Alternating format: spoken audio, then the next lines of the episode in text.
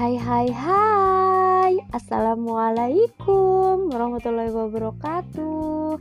Apa kabar semuanya? Kembali lagi dengan Sally. Nah, saya akan membahas tentang Cara berdagang dengan baik dan benar. Seiring banyaknya pertanyaan Bagaimana sih kak caranya berdagang dengan baik dan benar sehingga keuntungan pun sangat berpengaruh. Nah, hal yang pertama yang kita harus lakukan seorang pedagang adalah menerapkan etika bisnis dengan baik. Bagaimana sih kak caranya? Satu, ramah, dua, jujur, tiga, pelayanan dengan baik, seperti mengadakan promo, diskon, dan lainnya. Contoh, pedagang si A jarang senyum dan jarang menyapa, sedangkan pedagang si B sering senyum, sering menyapa, ramah banget, jujur, dan dia suka memberikan diskon kepada pembelinya.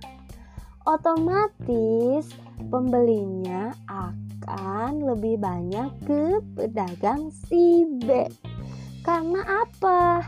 Karena dia merasa nyaman pembeli pun akan kembali lagi tanpa diminta. Jadi, teman-teman tahu kan caranya berdagang dengan baik itu bagaimana?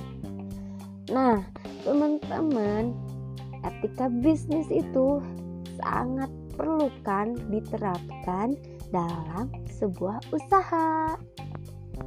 Jadi, teman-teman semuanya Jangan pernah bosan menerapkan etika bisnis dalam usaha kalian.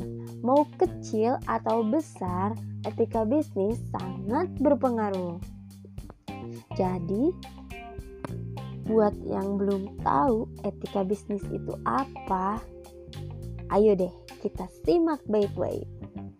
Etika bisnis adalah perilaku yang mengatur sebuah pelaku usaha dan manajemen usaha dengan baik dan adil. Jadi, jika diterapkannya sebuah etika bisnis terhadap usaha atau bisnisnya, akan ada keadilan, saling menghargai antara pembeli atau karyawan sehingga mendapatkan dedikasi yang lebih baik. Nah, ketika semuanya berjalan, maka keuntungan pun akan sangat berpengaruh. Jadi, penting banget bagi para pebisnis harus menerapkan etika bisnis ini. Nah, mungkin yang saya sampaikan itu hanya sebagian kecil, masih banyak sekali yang perlu dibahas. Hmm, next video atau next podcast saya akan membahas yang lebih banyak lagi. Mungkin sekarang cukup sampai di sini dulu ya teman-teman. Bye bye.